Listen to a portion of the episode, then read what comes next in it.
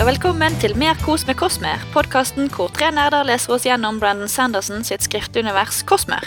Jeg heter Linn, og jeg har med meg Magnus Hallais. og Marit. Hei, hei. Og i dag så er det nok en lang episode du kan komme til å høre på. Vi skal gjennom alt det som skjer i del fire av Words of Radiance. Og det er jo Brandon, så dette blir bare lenger og lenger. Eh, Før vi starter, så vil vi som alltid minne dere på å komme innom Discord-serveren vår for høyoppløselige bilder, samlede epigrafer og generell diskusjon. Og outtakes. Link til denne Link til denne og vår Instagram finner dere i episodebeskrivelsen.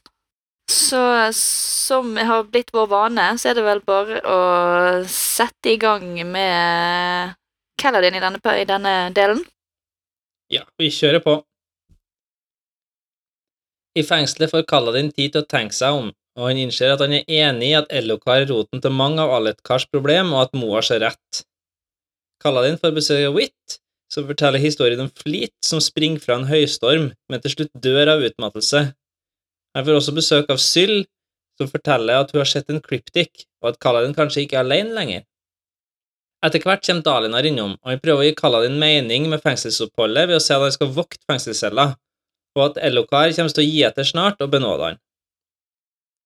Når Kaladin sier noen anklagende ord om Ellokar som lar folk råtne i fengsel, kommer det fram at Dalinar kjenner til situasjonen med Mors sine besteforeldre, og at Roshon var kilden til deres lidelse òg. Etter at Dalinar går, så konkluderer Kaladin med at Ellokar må dø. Kaladin blir til slutt benåda, og på vei ut av fengselet møter han Adolin, som har vært frivillig fengsla like lenge som seg sjøl. Bro 4 står klar til å ta imot Kaladin vaktrommet, og midt i feiringa overgir Adolin et fullt shard-sett til Kaladin, som selvfølgelig ikke ønsker det. Etter litt om og men får Kaladin gitt det videre til Mors, som nå vil bli betrakta som lysøyd, og som kan starte sitt eget hus. Senere på kvelden får Kaladin fortalt Moash at planen om å drepe Elokar kan igangsettes, og Moash sier at neste på lista, det skal være Amaram.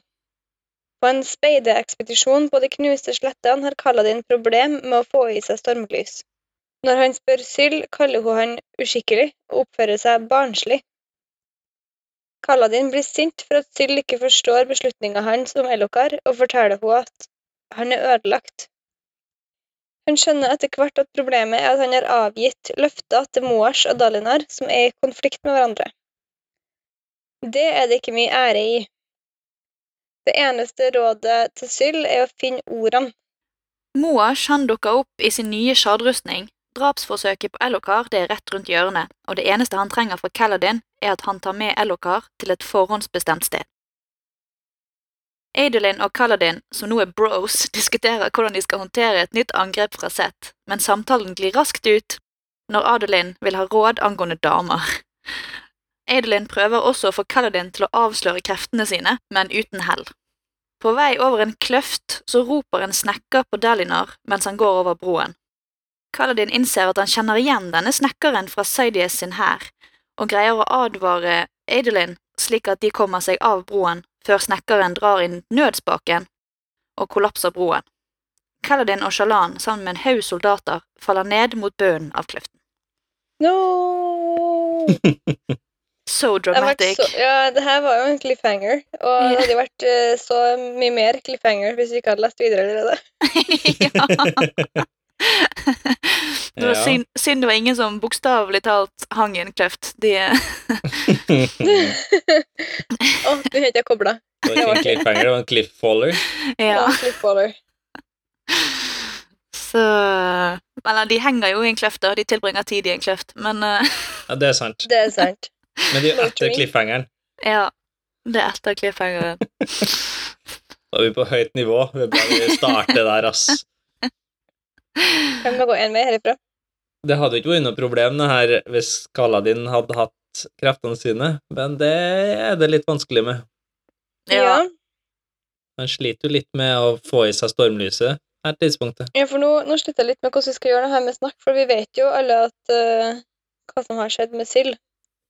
Ja, vi, vi, vi snakker jo om det. Gjør vi det?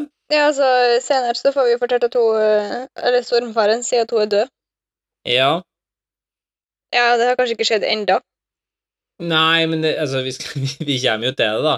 Mm. Men, men Jo da, men jeg syns det er vanskelig å skulle diskutere det her nå uten å Uten å spoile senere, på en måte. Men det er ikke noe poeng å ikke spoile heller. Nei, alle har lest del fire her, så det, i forhold til hva som skjer seinere, så ja. Stormfar sier at Sille er død. Men Ja. hva er eh, årsaken til det? He's not speaking the words. Er den ikke æresfull nok? Nei. det er vel Ja, det, det er vel i hvert fall det Kaladin kommer fram til, er jo dette med de eh, motsigende løftene han har gitt. Ja. Ja. Nei, det er, jo, det er jo Han har jo oppgitt to forskjellige løfter, da. ene er jo å holde Hviledagen hellig. Nei, jeg føler ikke at Kaladin tar noen som helst dag, verken hellig eller hvile, så det, jeg tror ikke han har noen hviledag. Men, men han har jo, han har jo opp et, et løfte om å ta livet av Elokar, og et løfte om å ta livet av Nei, holde Elokar i live. Ja. Så uansett hva han gjør, så vil han bryte et løfte. Og Syl har jo vært veldig merkelig når det kommer til dette med å bryte løfter. Ja, samtidig så er det jo kanskje én ting som er mer eh, Det er mer ære i enn noe annet her, da. Ja. Og så kan vi nå la det være med det. Ja. Man skjønner jo fort i denne delen, da, når han eh, Når han gir shardsettet til Moash, så er det jo nesten det som i første omgang tyder på at eh, han Nå kan Elokar dø for hans del, for nå har han, føler han seg forrådt av Elokar, han òg. ja. Jeg kobla ikke, ikke at det var noen dypere mening bak det, annet enn at altså, Moash er den beste fighteren. Mm. Men jo, i forhold til hvilke ord kaller det finnes, jeg antar at det står noen ting om det i Words of Radiance. Altså den Inworld-boka, da. ja, jo da, noe vil jo kanskje stå der, men jeg tror ikke det er der vi får det fra, nei. Nei. Okay. Det som har vært snakket om ord tidligere, har jo vært disse edene. Ja. Eh, de virker jo Nå vet jo ikke helt, da, men uh, vi vet jo ikke hvor standardisert de er. Han må jo få en ed fra en Oathbringer. Kanskje, kanskje ikke. Men, men han har jo allerede før han gir shardsettet til, til Moers, så har han jo helt obviously sagt det at uh, Han har jo sagt til seg sjøl at uh, Elokar må dø. Ja. Ja. Det sier han jo mens han er i fengselet ennå. ja. Så, men det er jo kanskje en punktum der, da, med at ja, Ja. her, uh, her Moers, vær så god, her har du utstyr å drepe den med i tillegg. Og det er jo da, det er da Syl begynner å oppføre seg annerledes. ikke det? Nei, hun gjør det egentlig før det. Hun gjør det allerede i fengselet. Hun begynner å oppføre seg litt annerledes, på en måte Å ja, det er på grunn av at han øh, rører sjølsverdet? Nei, at eh, Det tidsrommet imellom der. Altså, det, er, det begynner egentlig idet han bestemmer seg for at Ellokar må dø, i, mens han er i fengselet. Ja, ok. Eller før han egentlig bestemmer seg, mens han sitter og tenker på det, til og med, så er liksom Syl sånn Jeg liker ikke når du blir sånn her, og syns ikke du skal tenke sånn, og Ja, ok. Jeg, øh, ja. jeg sitter og lurer på hva den her stemmen i sjardsverdet Ja. ja. Han hører han jo, vi kan jo snakke og si, nevne det seinere òg, da, men uh, han hører jo det skriket igjen når de f Når han lander i, krypt, i kløften. Ja, stemmer. han desperat strekker seg, strekker seg etter litt stormlys, og får Mm. litt, men hører et skrik samtidig, og så lurer han på om det er Syl. Mm. Så det, det er noe rart her. Og det skriket kommer vi òg tilbake til når, eh, når han tar i sjalsverdet til Sjalan òg. Mm. Det skriker jo ikke. Mm. Så hva er det som skjer? Men det skriker jo ikke til vanlige folk, da, så sånn sett så Nei. kan det jo være rett og slett det, da, at han bare har blitt en vanlig person igjen. Ja. Det kan òg være. Men Silje, skal vi snakke oss ferdig om henne, da? Ja, vi kan jo gjøre det. Hva du vil begynne på? Hun øh, Ja, i den fighten, egentlig, da, i, i duellen i forrige del, så ser jo hun Pattern, Mm. og sier jo til Kaladin at uh, kan finnes flere Radiants snart. Mm. Så ja. men nå har vel kanskje han egentlig skjønt litt hvem det gjelder, da. Ja, han er inne på tanken uh, på slutten av delen at uh, Shalan kan være radiant. Mm. Han sitter jo i fengselet og bare tenker ikke Adolin, ikke Adolin, ikke Adolin. Men med en gang Så han må det men med en gang han kom ut av fengselet, så hadde, det, da hadde han jo kost seg glugg i hjel hvis det var Adelin, tenker jeg. Ja, det er sant. ja, jeg, jeg syns jo Ja, de er jo bros. De eh, Mm. Adelin er jo veldig hyggelig, og Kaladin begynner å skjønne. Jeg syns det har vært ganske mye sånn artige biter i denne delen, sånn som når Sjalan Før han har datt ned kløfta, da, så eh, står jo hun og sier 'Jeg skjønner godt at du ikke liker Aidlin, han er jo eh, så forferdelig', og så ser de bort på Aidlin som bare står og leker med noen unger og hvisker om eh, sverdet sitt og Ja. Ja, la de prøve Ja, la de, la unge, de her uh, fattige ungene uh, prøve hjelmen hans, og mm, bare er tidenes good guy. Ja. Men eh, ja, jeg, jeg man har jo nesten sett det litt komme, da. Det er jo eh, Holdt jeg på å si uh, enemies to lovers, men det er jo en, enemies to best bros. ja. Ja, så får vi se hvordan det går fremover. For jeg føler jo at uh, Kaladin og Shalan også er en, eh, en greie. Ja, Enemies to lovers. ja. Det er det eneste Kaladin har. Det er enemies to insert relationship-status her. Enemy a friend. ja. Mm. Men eh, nei, ja, jeg syns det er så De scenene med Shalan, Adeline og Kaladin, de har jo vært bra hele veien, føler jeg. Nå bare Ja, nå er de helt fantastiske. Ja. Jeg syns jo bare den, den scenen med bare Kaladin og Adolin nå, når eh, han er i fengselet og bare lukter parfyme og bare Ja, hva tror du, jeg er ikke bonde, liksom? Ja. Men du skal visst at jeg kan dusje eller bade i kaldt vann.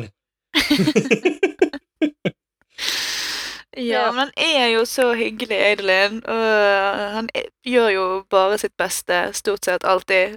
Det er jo Ja, golden ja. retriever, Eidelin, hele veien. Um, Men det der når ja, Adeline skal snakke med Kaladin om kreftene hans òg Ja. Ja, men vi vet jo begge at det går bra, for du har jo den greia di, sant?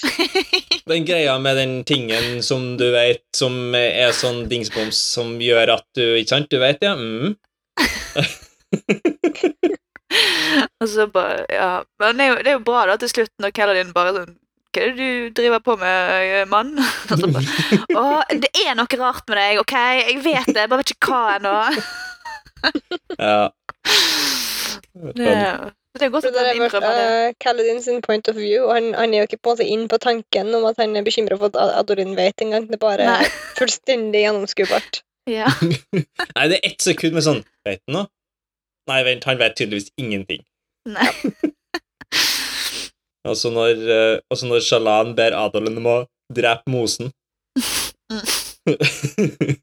Og Adolin i sin, eh, sin sjel som har vært på 100 000 dates og ennå ikke skjønner damer, bare ja, Det som skulle være Ja, ja, ja, nei, så damer Hvem kan forstå dem? Drep mosen. Får drepe litt mose, da, hvis det, hvis det er det hun vil.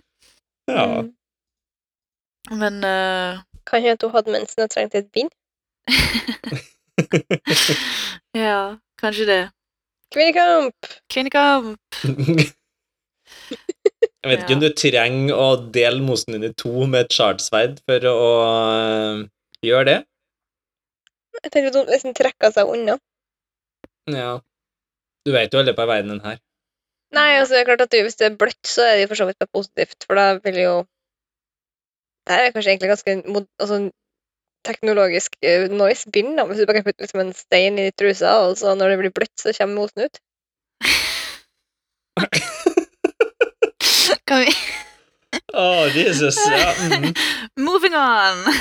Men, men øh, hvis du har en stein dekt av mose, og for å ta livet Altså, shardsverdet Nei, det vil jo gå rett gjennom mosen første gangen. Mm. Mm. Så Men han vil mosen vil jo være stein. hel, men steinen vil være delt i to. Mm. Ja. Men du klarer å rive den fra seg. Rive mosen Ja. fra hverandre når steinen Ja, ja, ja, det gjør det jo. Men det er jo litt rart, da. Steinen deler seg, og mosen henger sammen. Ja. These swords are weird. Ja. ja. Men så er det, det er jo et par ting til da, nå når, når Kaladin er i fengselet, som kanskje er verdt å nevne. Uh, LOL. Dalinar kommer inn og bare Ja, vokt fengselscellen, du. Men han, han gjør det jo Han er jo Han spiller jo inn i Kaladin sin sine Hva skal kalle det, da? Sin, sin måte å være på. Mm. For jeg sier jo det at Hvis jeg hadde bedt deg om å passe på denne fengselscellen, hadde du blitt her da? Ja, det har jeg ikke hatt noe problem med. Ja, men da gjør jeg det. Mm. Ja. Men eh, det er lættis. Og så har Mhm. du Hvitt, som kommer på besøk. Ja. Der er det jo mye å plukke i. Ja. Det jeg hang meg mest opp i, er jo Hvitt snakker om noe med perfect pitch. Avisene har vi hørt om per perfect pitch før. Men her tar du, meg rett. Perfect pitch. Du har en plass der man først får perfect hue, så man ser alle de forskjellige fargene, og så får man perfect pitch, så man hører Ja, det er jo i uh, Warbreaker. Jeg husker ikke dette. mm. Og vi har vel allerede snakket om at um, Hvitt har bare all the powers her. Ja, vi har, vi har vel snakket om noe sånn life sense, har ikke vi det? Men det var det med hvitt, eller var det med Det var Sahel. Det var med med Sahel. Sahel, det. Ja. Nei, så ja, det er liksom de der Warbreaker-hintene. De dukker jo opp Ja. innimellom her. Så, Men, eh, så Hvitt har en hel rekke med, med heightnings da fra En hel rekke med breath, tydeligvis. ja, og han har uh, adonalsium. Uh, uh, Allomancy. Allomancer-krefter, mener du? Ja, nei, hva heter det metallet da, som gir deg alle eh, Loris, Lerasium. eh, Lerasium. Ja, mente da. Mm. Så han er jo Mistborn. Han er Mistborn, og han er Har masse sånne, ja. Fra Warbreaker. Og så har vi jo sett den i Elantris, der han prøvde å bli, bli uh, Elantrien. Hvordan gjorde det? Nei, han fikk jo ikke til det. Det er det Men- som er epilogen i Elantris, er at du får vite at han har feilet på å bli elantrier. Ja. Dessverre. Den var ikke så lett når du må ha tilknytning til landet. Nei, det Nei. Du vet aldri da hva Hord får til. Og så denne boka Jeg vet ikke om han har noe magi i denne boka. Skal du si ikke er radiant? Han sier vel at han ikke er det. Ja, men han har jo her eh, Jeg føler han har litt sånn light weaving, da. Ja. Det er, Kaladin eh, ser jo tingene før Hoid har sagt dem. Mm. Så det er noe, ja, det er noe greier han driver med. Men historien om Fleet skjønner jeg altså ingenting av at skal være signifikant. Det er sikkert bare noe Hva er moralen i historien til Fleet, da? Eller hva er det Kaladin plukker opp som moralen i historien til Fleet? At ingen slipper unna høysormen? Ja, ingen slipper unna døden uansett. Men hva annen moral kan man trekke ut av det? Kan man si det at det er viktig å prøve, uavhengig av hva det koster? Og så vet vi at eh, han hører jo helt til slutten av historien, så fortsetter jo sjelen til Fleet å springe. Så his legacy lives on, eller noe. Jeg Hva skjønner ikke. kan, hva kan det Hva kan det bety for kalla din, da? At det kan være viktig å prøve, sjøl om alt virker håpløst? Eller sjøl om det sannsynligvis ender i, i, i død, så er det viktig å prøve? Men if, ja, jeg, jeg skjønner ikke helt hvorfor Hvorfor, Cullen, for, ja, hvorfor Brandon føler at dette er det som er viktig for Cullen å høre nå. Fordi det, hvis det er én ting Cullen gjør, så er det jo å prøve. Nei, men han har jo bestemt seg for ikke å prøve. Jo da, for så vidt. Det har, akkurat i det her øyeblikket, eller rett etterpå, Ja. da, så bestemmer jo Kaladin seg for at vet du hva, fuck det her. Fuck det her å beskytte folk. Ja, det er sant. Men det var opp til dette punktet, så har han jo prøvd. Ja, men For å ta et uh, Nei, vet du hva? Vi skal snakke litt mer om hvitt senere i dag, okay. så vi kan ta det da. ok. Eh, da kan vi kan jo bare nevne Jeg syns det er skøy med når Hvitt snakker om a bunny and a chick went frolicking in the grass together on a sunny day. Og kan jeg bare Hæ?! Makes no sense. Ja, det er artig med verdensbygging, altså, jeg må si det. Men det her er jo det her er jo litt sånn som, som eh, Sahel, som sliter med at ordtakene hans ikke stemmer helt. Ja, red on, Mm. red on the airs. Eh, Det er jo litt det samme her. ikke sant? Hoyd prøver å bruke et ordtak eller en setning, og så er det sånn Det her stemmer ikke på denne planeten, gitt. Eh, På noe vis. Ja. Men har alle sammen samme språket, liksom? Svaret er nei. De snakker jo ulike språk på Roshar. Ja, du snakker ulike språk på Roshar, og du snakker også ulike språk mellom landene, og så kommer vi tilbake til akkurat det her i æra to. Ja. Så jeg tror vi kan spare det til da, Mm. for at der er det forklart i kontekst av historien, ja. og det er bedre å ta det da. I stedet for at jeg skal sitte og på en måte sitere ting fra Coppermind. Ja. Ja. Jeg tror vi, Eh, dere, får, eh, dere får vente ei- ei- ei stund. Eh, vi tar det etter hvert. ja. ja, vi skal bare gjennom Oathbringer og uh, uh, Rhythm of War først. Og Edge Dancer og Dawn Shard og ja. Div. Men vi kommer dit. Um, og så må jo vi ha Det er jo en uh, gøy throwaway line her til Axis the Collector. Mm. Der uh, det virker som at Kaladin har fått øye på Incarcerations brand, gitt. Som Axis the Collector Axis uh, the Collector Det var jo det hans avsluttende setning var i interluden. Var at ja, ja, kanskje han kunne oppdage Incarcerations brand, da. ja. Stemmer. Det her er en sånn artig sånn throwaway, én setning som egentlig er veldig vanskelig å få med seg, og som du bare glosser fullstendig over. Men den er veldig artig i sammenheng med den interluden fra Wave så- Kings. Det er så rart at man har altså incarceration Spren, sprenn. Altså, det har, det har jo en sprenn for en, en, et, en handling. Har du gått det en følelse, da. bathroom med sprenn? Det er, en, det er jo en sterk følelse som er Nå er jeg fengsla. Jo.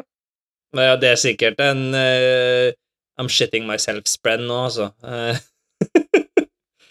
men uh, ja. Det er jo en hunger sprenn, så det er sikkert en bowel movement-sprenn, men det er ingen som snakker om den. Ja. Veldig praktisk når du har små unger. Det er sant. Det høres ut som noe Sjalan kan spørre Adeline om. Ja. Når du er på kamp, hvor ofte ser du dritesprennene? ja. Ja, ja. Nei, eh, nok en gang så detter vi rett ned i den her humoren, ja. Mm. Oi. Det var ikke det så mye som meg, det der. ja. Det er jo litt gøy òg, da, disse soldatene som eh, er med på den vandringen, som snakker med Delinor. De forteller jo om at de har sett menn flyve, og det må jo være det må jo være The Assassin in White. Det kan jo ikke være Kaladin i det hele tatt. kan ikke være noen annen. Nei. Det er bare han som flyr. Mm. Det er i hvert fall ikke Kaladin. Nei. Kan ikke være det. Han kan ikke flyge seg Nei. Men han kan jo ikke flyge lenger, så Ellers da så er det jo Rennarin som er en eh, fast inventar i Bro 4 nå. Adolin er jo irritert, og Dalinar er ikke helt sikker på om det er positivt. jeg bare vil at Rennerin skal bli tatt vare på. Ja. Lille vennen. Jeg tenker jo at det er fint at han gjør det, da. At han har en uh, crew. Det, ja. Mm. det tenker jo Adelina. De er jo Men, en eh, band of misfits, uh, og han passer jo inn der, sånn sett. Ja, det er jo det de sier.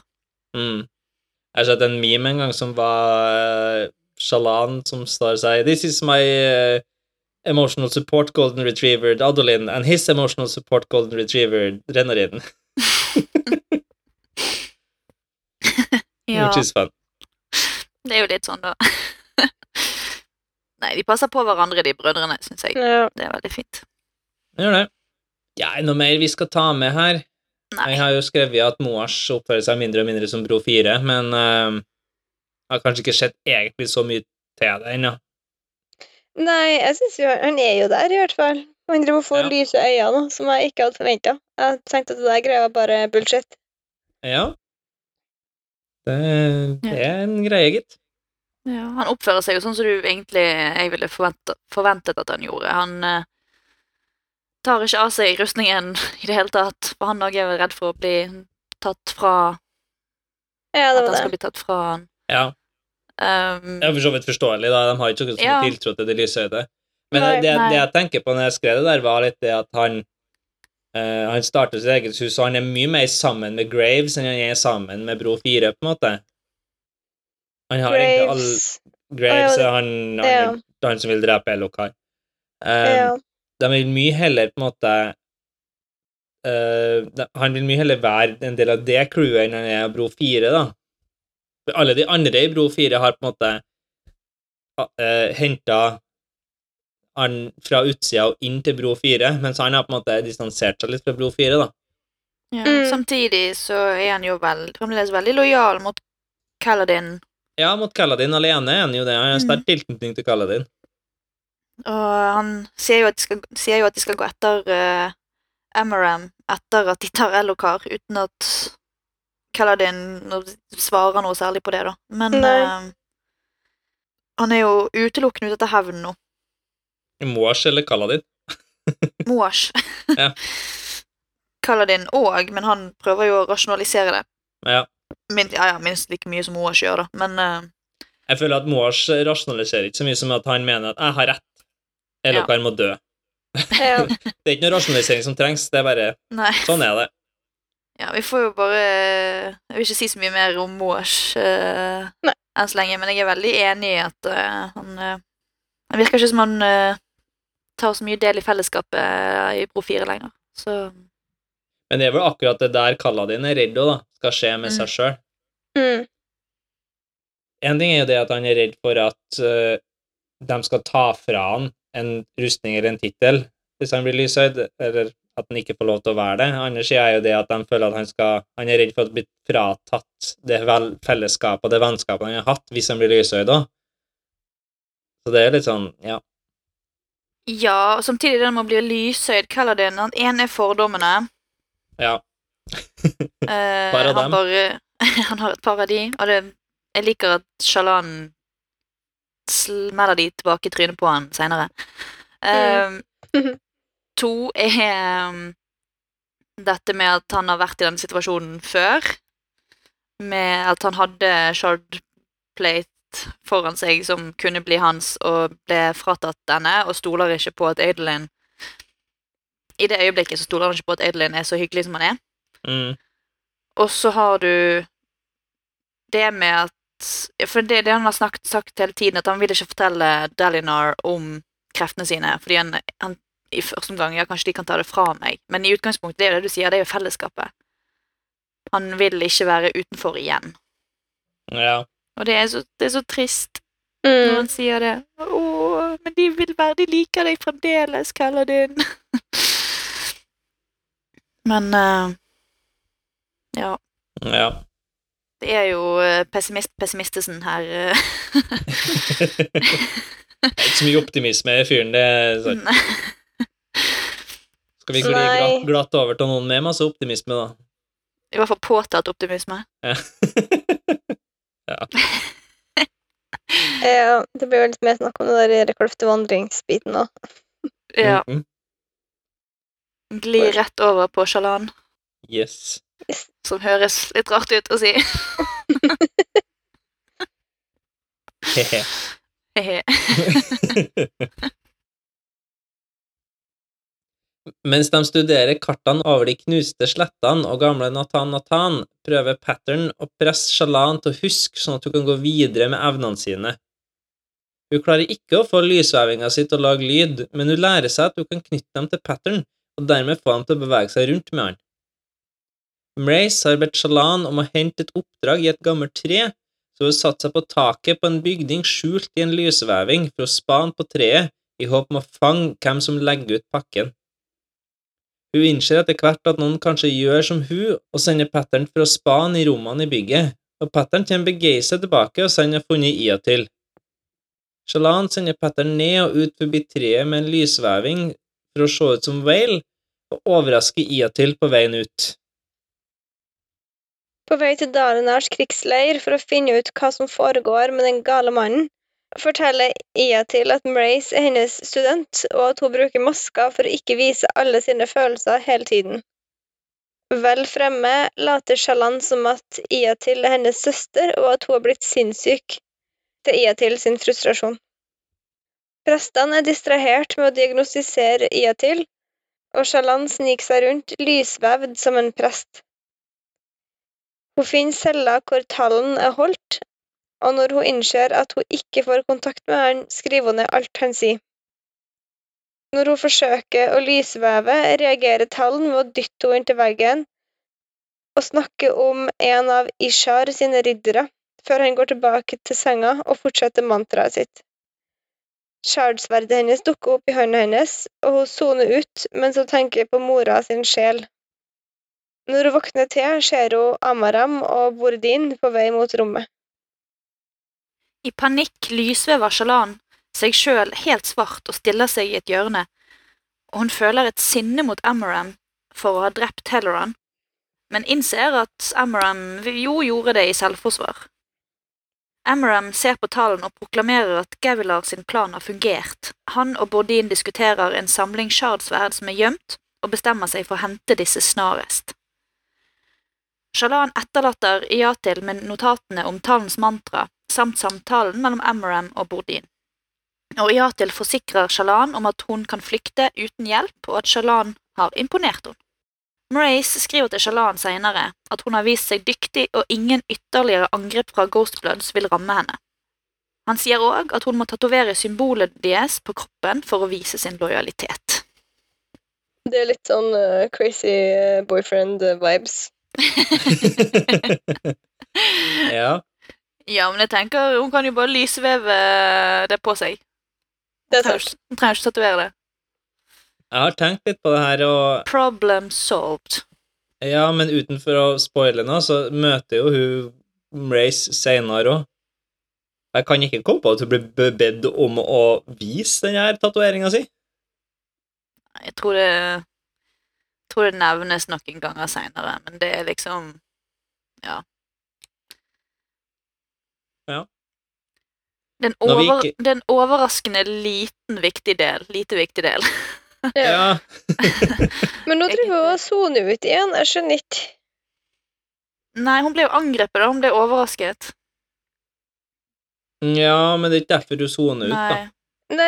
Jeg får få sverdet, og så tenker hun på er det mora sin sjel mm. som ligger i et skap og lyser som ingen ser. Mm. Jeg skjønner ikke, jeg skjønner ikke det her. Det begynner å ha, du begynner å ha ganske mange puslespillbrikker. Vi kan jo snakke litt mer om det i flashbacksen, kanskje. Mm. Vi Ja. jo, vi, vi, vi snakka ikke om det nå, men det står jo fint i boka SMS er mer praktisk når begge parter kan skrive, eller? Ja. Shalan som sitter og spaner, og så er det Adolin som plager en stakkars prest til å være hans uh, Hans SMS, skulle jeg si, hans mobil. ja. Skriver. Skriver. Ja, det er dårlig stemning. Det er litt gøy, da, for det er jo et sånn hint om at Adelin Han nevner vel noe om at han ikke kan være med henne, eller noe sånt. Og det er fordi han er i fengsel. Ja, det er det, ja. Så det er derfor de tekster, for han kan ikke være med henne. Så han har fakt... Ja, han, han, har, han har med seg en skriver i fengselet, han, ja. Det er forskjell Ja, på folk. ja. Ja, det er voldsomt forskjell på folk. Men Kaladin, sant. Får jo besøke fengselet, han òg, da. Ja, Av både Delinor og, og Hvitt. Men eh, mm. ja, nei, eh, det er, det er voldsomt forskjell på folk. Og det er sant, fordi at Adelin er jo ikke i fengsel. Han har satt seg sjøl i fengsel. ja. Han bare er der, egentlig. Han bare Ja. henger der. ja. Det er jo nettopp det. Og de er, de er vaktene bare Men faen heller, da. Liksom, hva skal vi gjøre? Vi må bare la han være der inne. Vi kan ikke på en måte hive den ut, det har ikke vi lov til. mm. Men ja, Ia til. Jeg syns hun er creepy, ass. Ja. Det er mer masker og Ja, det bare føles, uh, føles creepy. Det var veldig Ja. interessant, den greia med maska om at hun ikke viser følelsene sine til alle rundt seg. Ved å ha en maske som skjuler ansiktet. Og så jobber Mm. han jo litt i det, i det skjulte, for det, det Mrace virker jo, i hvert fall i starten, så har jo han virket som den som tar alle avgjørelsene. Men hvis det er hun som egentlig sitter og trekker i trådene. Mm. Det er jo veldig smart, da, å ikke på en måte altså, I en sånn type organisasjon så er det ikke sikkert at du vil at folk skal skjønne at du er lederen. mm. Samtidig som hun sier jo relativt fort til Shalan at det er hun som er, er lederen, da. Ja. Så hun holder jo ikke på hemmeligheten noe fryktelig lenge. Men, Men hun sier jo ikke at det er hun som er leder, egentlig. Hun bare sier Nei, ja. det at han er lærlingen min. mm, Mm. Det betyr jo Det kan jo være innenfor mange fagfelt, det, da. Ja da. ja. Men ja. Ja, og så er jo det dette med, med Amaram og Helleran. Mm. Vi kommer jo litt inn på det seinere, men har jo eh, Han skjønner jo i denne delen at det var han som drepte broren til Shalan, så hva tenker vi om hvordan Shalan vil ta den uh, nyheten? Hun har jo allerede akseptert Amaram sitt sjølforsvar. Men hun var jo Hun er jo like fullt forbanna på han nå. Hun hun Ja. tilgir han jo ikke. Nei da, hun gjør jo ikke. Hun bare aksepterer, ja. Mm. Hun har en liten fuck Amaram likevel. hun er team fuck Amaram. ja. Ennå. Viktig å ha en liten fuck Amaram. Ja, Mm. det må vi ha. Han som går og griner til Delinar om at ja, jeg kunne jo ikke beskytte Adeline i duellen, for jeg må jo være på lag med alle når jeg skal være lederen for Nice Radiant. Dalinar som har skutt seg sjøl i Eller pissa på leggen der. Ja. Bare Ja, jeg har gjort han eh, Jeg hadde den eneste som ellers ville ha hjelpa meg, han eh, har jeg nå gjort inhabil. Mm. Sikkert ikke hjelpa han sjøl uansett, men eh, Han har gitt han en unnskyldning. ja. Mm. Jeg tror du, Marit? Du var jo så gira på at Shalan og Kaladin skulle være romantisk, så Ja, jeg står på det. Jeg står for det. ja. Tror vi på at uh, Shalan klarer å akseptere uh, og tilgi, da? Uh, ja, jeg tror jo det.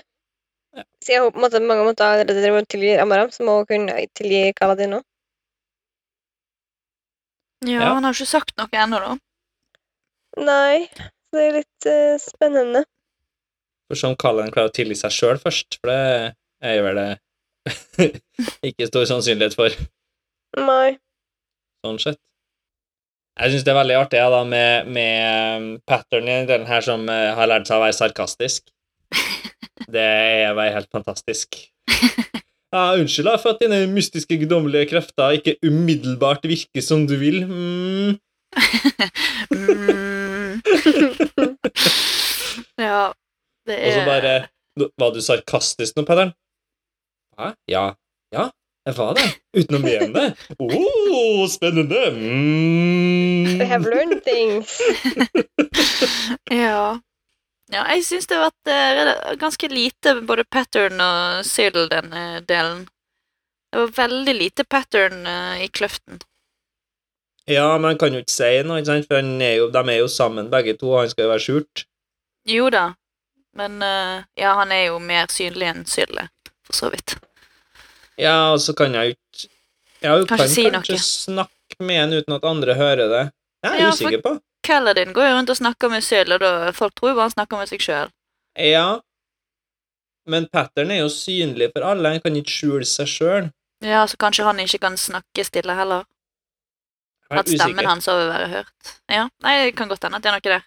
Men det, er bare, det har vært veldig lite sprand i hele den delen her, egentlig. Ja, Så det var godt at vi er jo borte, og Jo da. Men uh, så ellers så uh, begynner jo Shalano å bli ganske god på lysøvingen sin, da. Det var jo allerede ganske god framgang forrige del, men det, det går jo framover. Jeg liker den tanken om uh, når, han, når hun sender han ned trappa, og lysvevinga ikke er designa for å gå trapp. Jeg bare sklir ned. Nei, jeg ser meg, han, han, jeg ser for meg at det er som sånn på sånn uh, dataspill fra tidlig 2000-tallet. Der det var obvious at man, måte, foten går ut, tråkker på ingenting, detter ned. foten går ut, tråkker på ingenting, tar et T-skritt, tråkker på ingenting, detter ned. Jeg har det her så tydelig i hodet, så jeg vet ikke helt hvilket spill jeg har tenker på, men det er liksom Jeg, jeg tenker bare på sånne uh, roboter. Som vi ikke Vi klarer ikke å få dem til å gå i trapper. Nei, men dem, da er det jo Da detter de jo og sånn. Her så Ja, går de jo et sant. skritt Han går jo et Ja. skritt Ja. Ja, ut i intet, og så detter han ned et hakk sånn hakkvis bortover. ja, det er jo sant. syns jeg det er Men gøy. eh, Men det er ganske kult der, da, at du får den til å gå Bortsett fra når han går litt, beveger seg litt for raskt, da. så det ikke helt stemmer overens og sånn. Nei da, det kommer med mer øving, det. Det går bra. Ja. Ja, jeg tror det. Og så skifta jeg veldig raskt mellom Shalan og Vale nå, da. Men det var jo klart det var mye gode distraksjoner og det ene og det andre der. Jeg føler jo at jeg ganske, begynner å få ganske kontroll på Mm. livet. Mm. Ja, helt til hun står og stirrer i en vegg igjen. Det Ja, det var det. Ja, og så det siste vi har her på uh, denne delen av Shalan sin uh, holdt jeg på å si utflukt, er jo uh, Talen, han klikker jo, eller re reagerer sterkt på lysveving. Mm. Men det er jo først, det, er det første som har fått han til å på en måte snappe ut av den, det mantraet sitt. da. Ja. Det hjalp ikke så veldig lenge, da. Nei. Det var en reaksjon, da, i hvert fall.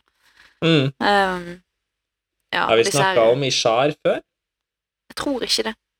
Nei. Navnet hans har vel kommet opp et par ganger. Han er en av herodene, da. For å si det sånn. Uh, ja. Det er ikke han som uh, Nei. Nei, det var mange som etterlot. Det var bare én som ikke etterlot. Ja, det var jo talen. Ja, det Ja. tar Så ja, han var en av de som etterlot. Han nevnes vel spesifikt i um, i uh, preluden. Mm. Ja, for det er han Ja, er det han som er kongelig som Nei, det er Yesrian. Det er Yesrian, ja. Han er Herald of Kings, eller Ja, King of Heralds, eller alt dette sånn. um, men uh, han nevnes eh, du, du, du, du, du. Ja, ikke så viktig, da. Um, Nei da, det er ikke det. han er nå han er nå en av heroldene, da, og så kommer vi tilbake til hvem han er senere. Mm. Du sa, Linn, at uh, Shalan uh, stiller At Shalan stirrer i veggen og soner fullstendig ut. da. Skal vi ta flashbacks, da? Det gjør vi, da. Da Eller har dere noe mer på Shalan dere vil snakke om nå? Nei, ta, ta Nei, det meste jeg synes jo- holdt jeg på å si. Fremdeles at Shalan er litt kjedelig. Ja. Selv etter det det? Hun er jo badass superspion, jeg skjønner ikke. Ah, ja, men jeg vet ikke. Jeg liker ikke Shalan. Hva, hva da? Hvorfor det? Eh, jeg, vet, jeg vet ikke helt. Jeg føler er så tafatt. Selv om jeg blir god nå, så føles hun tafatt. Det føles som å bare greie ting, for et pattern er det fjell på. ja, jo, ja, ja. Jeg skjønner hva du mener. Jeg vet ikke. Sikkert jeg som er kvinnehater eller noe. Nei, det, det er mange som ikke liker sjalan. Ja. Det Det, er det. ja, det er vel ikke tafatthet hun har blitt beskyldt for, da, tidligere. Nei, det er kanskje ny, men eh, det er jo mange grunner til å ikke like sjalan. Hva blir beskyldt for, skal du si? Eh, forferdelig dårlig humor. Ja, ja, det er det jo, da. Jeg føler hun prøver så sykt hardt. Ja, Men hun blir jo called out, da. Kaladin caller hun jo på det Ja. når hun prøver for hardt. Og det er jo fordi at sikkert Min tanke er jo at hun prøver veldig hardt fordi at det er jo påtatt. Ja. Det er, hun prøver faktisk veldig hardt. ja. Um, og det kommer fram. Ja. Um, jeg har mine problemer med Shalan, men de kan vi ta i Oathbringer. okay. Jeg kan bare nevne, rett før vi går til flashbacksen her, at det her med Bordin og Amaram og Shardsverd refererer vi litt til når vi skal snakke litt mer om Dalinar. Mm.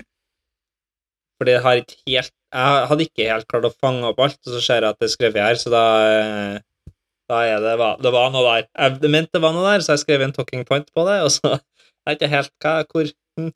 Så ja. Vi tar det, da. Ja. Ja. Mm -mm. Shalan sine flashbacks. Jepp. Shalan er blitt den perfekte datter som sier lite og i stor grad oppholder seg på rommet sitt. Det her er mye fordi faren har bevist at selv om han aldri slår hun, så slår han andre i hennes navn. Og til tross for at økonomien i familien har bedra seg, så har humøret hans blitt bare verre. Etter en krangel om at Balat ønsker å gifte seg med Eilita, så får Linn hans siste kull med økshund drept. Shalan finner han etter hvert, og de diskuterer hvordan Balat og Eilita kan unnslippe faren og søke hjelp hos Helaran, som Balat nylig har møtt i Vedenar. På vei tilbake til rommet sitt så hører Shalan at faren ber sine vakter om å finne Helaran og drepe han, før en større krangel bryter ut mellom han og Malise. Shalan oppsøker Malice på farens rom og hjelper henne med skadene etter krangelen. Hun forteller at Balat skal flykte med Eilita og ta Malice med seg. Malice spør hvem han da skal ha til å slå, kanskje Shalan, som er den som faktisk fortjener det. Kos. Helaran er jo ikke å finne lenger, men hvis Balat ikke får tak i han i Vednar vil han gå til høyprinsen og vitne på at faren har tatt livet av mora. Vikim slår plutselig opp døra og forteller at Eilite har ankommet på farens ønske. Guttene stormer ned, mens Shalan er overvelda av panikk, men føler seg samtidig dytta fremover mot det uunngåelige. Hun henter posen med svartbane og går ned. Balat og Linn krangler høylytt, og Linn forteller at Helleran er funnet død på en slagmark i Aletka. Shalan finner Malise død på gulvet i kjøkkenet, og går for å skjenke faren et glass med vin. Balat trekker sverd mot faren, men blir raskt utkonkurrert. Linn drikker vinen Shalan gir han, og etter kort tid faller han om. Han våkner likevel til igjen, og Shalan kveler han med sølvsmykket sitt mens hun synger ham voggesangen han sang til henne da hun var et barn. Så Litt sykt, eller? Ja Er det rart hun står og stirrer i veggen innimellom? Og det gjør hun jo før det her, da, så Jo da. Jo da, men uh, Det er rart. cray-cray. Så nå, Marit, må vi da buste en av dine tidligere teorier om at Shalan ikke egentlig har drept sin far. Ja, sant det! Hun gjorde faktisk det. Mm, Hun har faktisk tatt livet av en gutt. Ja. med veldig overlegg. Måtte to drapsmetoder til, holdt jeg på å si. Først Ja. eh, drapsforsøk med gift, og så funket ikke det, så da blir det kvelning, gitt. If at first you don't succeed, try and try again. ja. Nei, det er ikke Det er sant, det. Du sier hun er tafatt, Marit. Eh, Her viser hun stå-på-vilje. Ja, det er sant, da. Hun er kanskje ikke så tafatt, da. Men eh, jeg bare The wrong kind. Litt psyko, da. Ja. Ja. Det er noe med det, er Drap, greit nok, men det er noe med den barnesangen. ja, den gjør det dobbelt så, så ille, liksom. Ja. Den tar det et hakk opp. Så ja, nei. Men hele situasjonen er jo bare helt merkelig når hun- har tilkalt forlovet eller kjæresten til Balat og ja, drept Malise og sitter der og er liksom helt rolig og står og Eller så begynner de å slåss, og istedenfor å ta, ta han med sverdet, så går og finner en sånn uh, Hva heter det? Ilddrake? Eller ja. Mm. Ja. Og står bare og denger løs på Ballat. Det er jo helt uh, Ja, for hva Ja. var det som var grunnen til at han fant ut av det? Det var malis som sa det, var ikke det? At Ja, hun har fått det ut av Malisi. Ja. Hun er jo også en drittperson. Ja, Sorry for saying. hun er jo det, da, men jeg tror hun er jo bare en normal person satt i en idiot, eller en helt forjævlig situasjon. Jo, jo, men ikke ta det utover Shalan, da. Det er ikke hun som fortjener hat. Det er ingen som fortjener hat. Nei, men uh, Malise mener jo at det er Shalan som er Hva skal jeg si, Årsaken til alt. at, ja, at hun fortjener det. Og det, er jo, det føles jo veldig urettferdig, da. Det har jo disse brødrene hintet fram på, at det føles jo veldig urettferdig at Shalan blir aldri slått. Ja. Shalan får aldri føle farens vrede i den forstand. Nei, det er sant, det, da.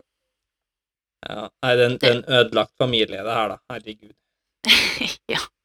Alle er jo Men det er klart, det starter jo med at mora dør her, og så Ja.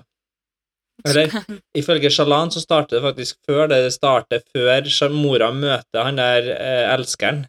Mm. Ja, sant det. For det er jo tatt i den her forrige flashbacks-delen, skal du si. Delen, flashbacks på forrige del. Mm. Om at hun lysvever en eh, fantasi om at eh, mora lever, og hun har aldri truffet han duden, og da lever de alle lykkelig sammen. Ja.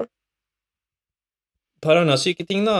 Um, Linn vil jo at Balat skal gifte seg med en sånn datter av høyprinsen som er 50-åring. Det er litt dobbelt så gammel som seg sjøl. Mens han sjøl har nettopp gifta seg med ei som er halvparten så ung som seg sjøl, så jeg skjønner jo at Ballat Balat er uenig. Han, vil, han vil jo ikke sønnen sin noe godt her i verden. Mm -mm. ikke i det hele tatt. Nei.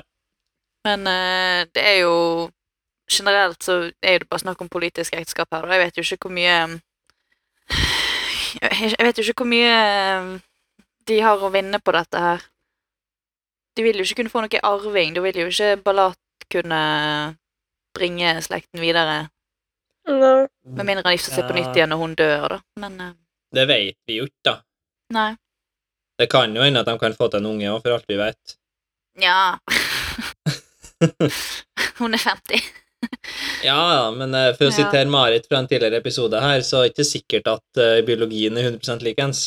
Nei. Året er jo også litt Hva er litt kortere, litt lenger? Litt kortere, ikke det? Nei, det er lenger. Ja, ok, så er egentlig litt- enda gamlere. De er litt Mm, hun er eldre. Ja. Ett år er 500 dager. Mm. Ja, ok, så hun er egentlig sånn 65. Mm.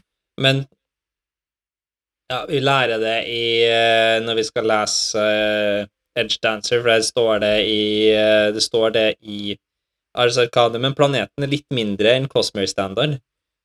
Så jeg lurer på om folk Ja, det er 500 dager, men, men uh, hvis du hadde Dagene er tatt kortere.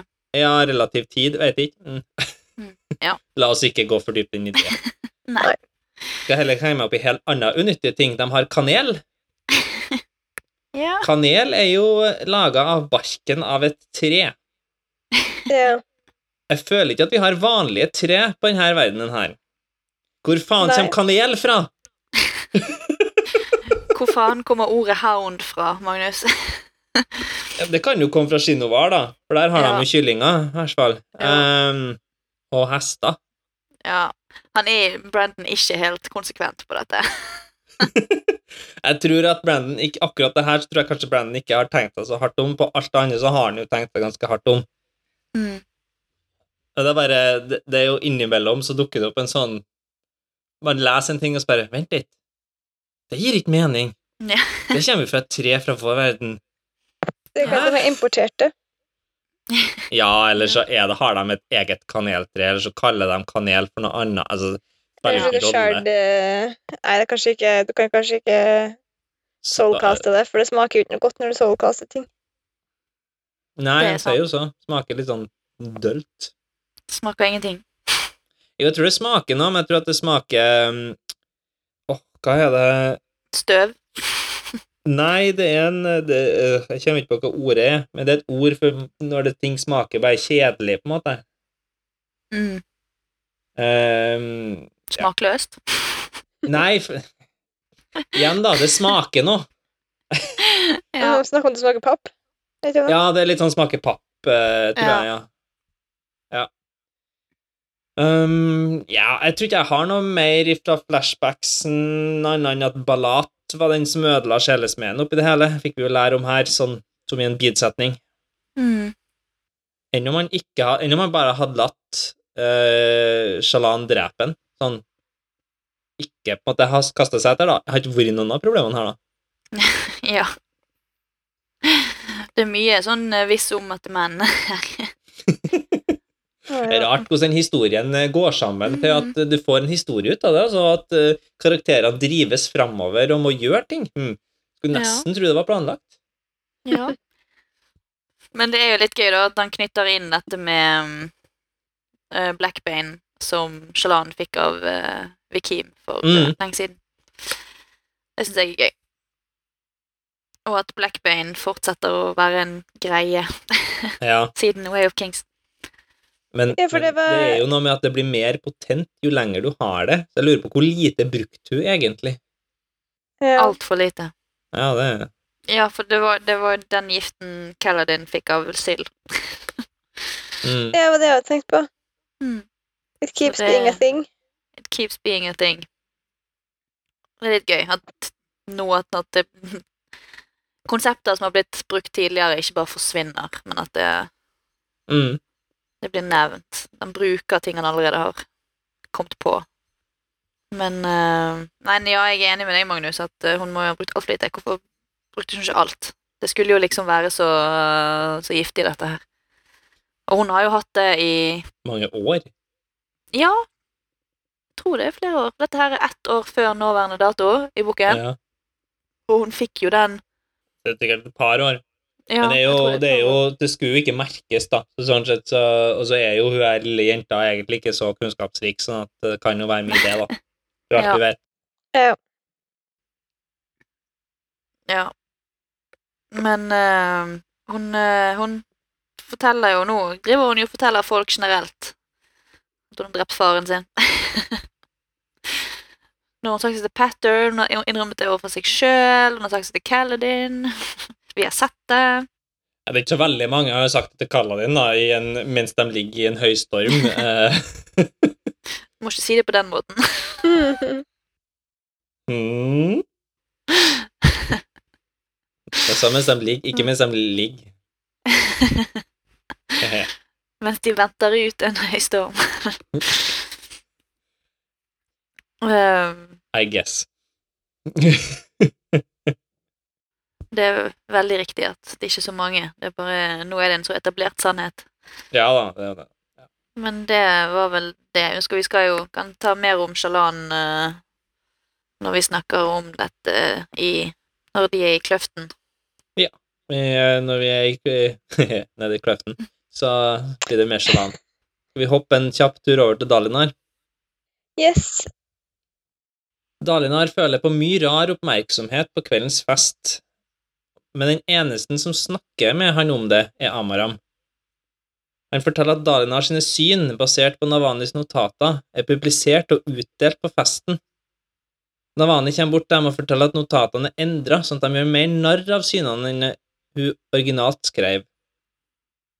Dalinar bestemmer seg for å ta oksen ved hornene og hoppe opp på nærmeste bord i tross for all uh, Alethi propriety og proklamere at han vil snakke med alle om synene sine. Etter en enormt lang kveld hvor Dalinar har snakka med alle som vil høre fra han om ekspedisjonen ut til de knuste slettas sentrum, setter han seg ned, og Hvitt kommer. Hvitt mobber ikke Dalinar, men forteller han at han er en snill tyrann, og at det er sannsynligvis akkurat det Aletkar trenger nå. Etter å ha nekta for å være både Radiant eller Herold, forlater Hvitt Dalinar med å fortelle at han vet han må være et sted, om enn ikke hvorfor han må være der. What? Så der har du What? kanskje litt av årsaken til at hvitt dukker opp på sånne rare plasser sted og vekk. Eh, å, ja, sånn skjer den Han har en sens, kanskje? Han er litt som en tardis? ja, Han er litt som en tardis. jeg vet hvor han skal være til enhver tid, men uh, kanskje ikke hvorfor. Ja. Det er jo litt interessant. Ja. Det er jo mye hvitt her, da. Han er jo også villig til å se hele verden eh, smuldre og brenne så lenge han når sine mål, sier han til Dalinar, og at eh, de ikke, målene hans kanskje ikke nødvendigvis er det samme som Dalinar sine. Ja. Her er jo Han har jo et eller annet gående, han òg. Han er et konendrum, konundrum, han her. Det er han. Altså, en, eh, han er redd for Dalinar sin fiende, hatets far. Hvem er det, tru? Jeg tenker jo Dalinar sin fiende. Dalian, jeg føler det jeg sa det også, men som er Dalinar som fiende. Ja. Men uh, jeg føler ikke han er så viktig nok til å være hatets far. Jeg tenker jo hatets far er odium. Det gir mening eh, at den sharden som eh, eh, på norsk ville ha hett brennende hat, eh, hatets far, ja. Mm. Er det det odium oversettes til? Jeg, jeg tok den litt Jeg vinga den litt, men jeg mener det, ja. At det er noe sånt. Ja. Jeg liker at et synonym på odium er dishonor, Sant? Mm. som er litt artig. Dalinar mottar syner fra um, Honor. Mm. Mm. Og da er jo dishonor bokstavelig talt det motsatte. Mm. Så ja. Jeg tror eh, En liten sånn sidestep her. Jeg tror Jeg mener det at uh, Brandon på et eller annet tidspunkt vurderte å kalle den hatred eller noe, Mm. men det er litt sånn litt for on the nose. Litt for tydelig, på en måte. Og at odium bare er et litt mer sånn uh, kult navn. Ja. Jeg har sittet med hatred på, på synonymordboka. ja. Det er- det høres kult ut, da. For hvem som er For Syl sin mor er jo eh, Syl er jo av stormfaren. Stormfaren kaller iallfall Syl uh, dattera si. Mm. Ja. Men pattern, da? Nei, vi snakket jo litt om det sist. Hun er jo honors brand, og stormfaren virker jo å ha med ære å gjøre. Mm. Mens pattern, der vet vi jo lite. Ja. Har vi ikke hørt det ennå? Har han ikke sagt hva han er? Altså Jeg husker ikke når det kommer. Jeg tror at den er kryptisk, så har ikke jeg noe Nei, informasjon. da, da kommer det senere en litt, eh, litt ytterligere forklaring på hva Ja, han er. ja. Nei, jeg syns jo Hoi det, det er så mye rart at jeg klarer ikke helt å henge med. Nei, men det viktigste er at han klarer å smekke ned Amaram gang på gang. gang, på gang. Det er det beste med denne scenen her. ja. Det sitatet der er, er altså så jævla bra. Det du bruker for å vaske hendene dine, må være kraftige greier. Ja, det, det, er, så, det er så spot on, vet du. Åh, Mm, ja. nice.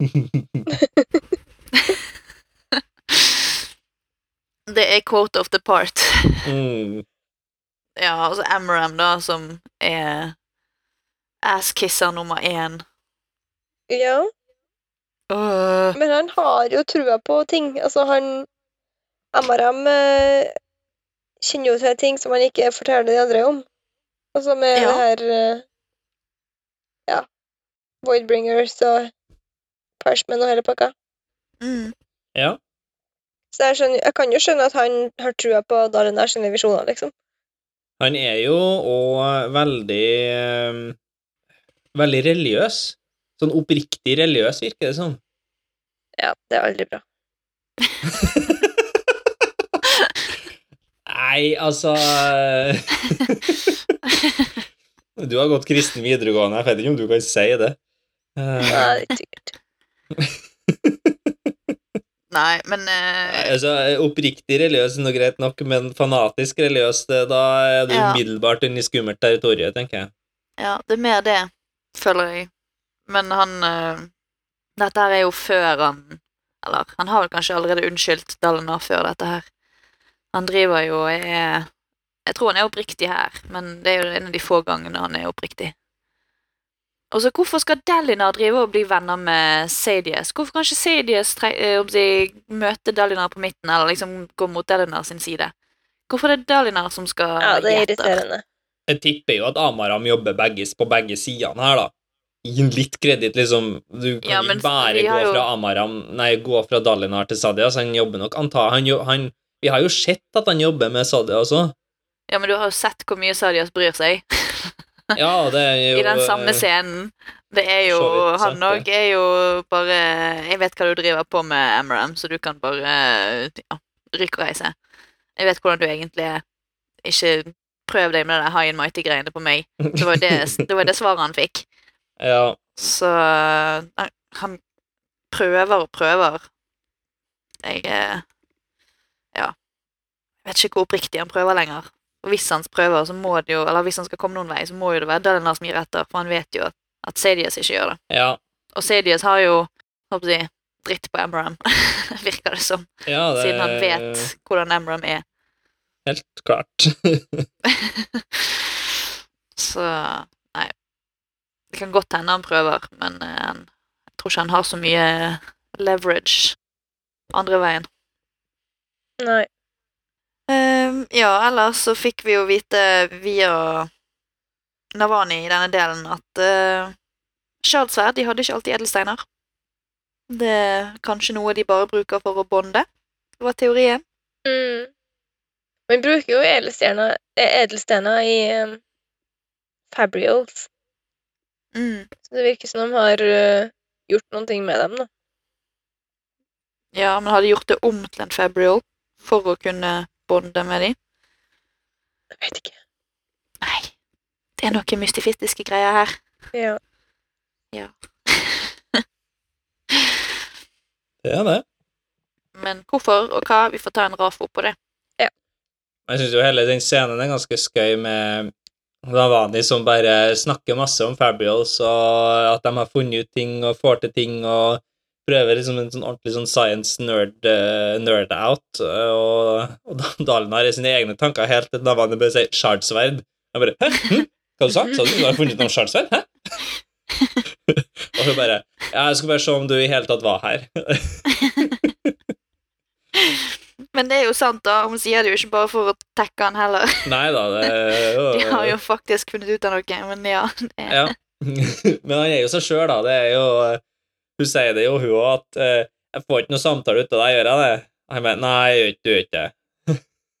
Så han er jo ærlig om det, om ikke noe annet. ja. Er det én ting han er, så er det ærlig. Det er sant. Det går bra så lenge hennes kjærlighetsspråk ikke er kvalitetstid. Ja, Marit, har du fornylt ut hvilket kjærlighetsspråk de her karakterene har? Nei. Nei, ikke jeg heller. Jeg har ikke prøvd. Det har det har tatt litt uh, tid med altså, å få det til å klaffe med ferie og innspilling og sånn, sånn at uh, jeg og Magnus har lest, uh, lest ei anna bok i mellomtida Oh, ja. om de fem kjærlighetsspråk. Oh, ja. ja, da forventer jeg at når vi er ferdig med denne boken her, at du uh, Du har foredrag om kjærlighetsspråket til de ulike karakterene. Ja, det kan jeg se på. Jeg har eh, Det var en sånn Jeg tenkte litt på det når vi, når vi holdt på og leste på det her med, det der med karakterbygging. Mm, For det er viktig at karakterene dine er på en måte ekte personer, og at de har på en måte noen prinsipper, noen ting man forholder seg til. Og det, det er jo akkurat det her med hvordan man responderer på kjærlighet og ja. respons og sånn, og det der tingene. Det er en mangler i en del av karakterene her, føler jeg. Men det er jo sånn, Sjalan for eksempel eh, har nok um, physical touch som kjærlighetsspråk, for hun er veldig sånn eh, Det påpekes veldig da, hver gang Adolin kysser henne eller holder rundt henne, eller tar på henne når det er folk der. Ja. Eh, eksempelvis. Og Adolin har nok definitivt eh, lov, lovord. Words of affirmation. eh, Ja. Jeg prøvde å oversette on the fly, det funka aldri. Men Kala din han har ikke noe kjærlighetsspråk, han bare det. Han har tom kjærlighetstank, så han vet ikke. Det er sant. Fullstendig, han er tappa fullstendig. Stort høl i kjærlighetstanken hans, tror jeg. Ja. Han driver og snakker om en dame som Tara, da. Vi vet fremdeles ingenting om Tara. Nei. Det er bare Det er en, eh, om ikke unnamed, men eh, bare en sånn kvinnelig karakter som er der for karakterbygginga til Kaladin. Mm. Ja, for det er en sånn eh, Det har jeg bare ignorert. Ja. Det er bare sånn Ja, nei, han har ikke hatt borti noen damer siden Tara. Jeg vet ikke hvordan Shalan er, for han har, bare vært med Tara. Uh, Tara, Tara, Tara. Bare, Hvem i helvete er dette mennesket? Ja, jeg synes det er rart, for vi har hørt om hun andre dama som han ikke endte opp sammen med. Fra barndommen hennes. Ja. Ja. Men det, ja. Hun har vi på en måte lært ting om, men det ikke, det bruker man bare en annen person. Men vil vi heller aldri få beskjed eller få vite noe mer om den personen, eller eh, er det bare enn så lenge? Enn så lenge så vet vi ekstremt lite om Tara.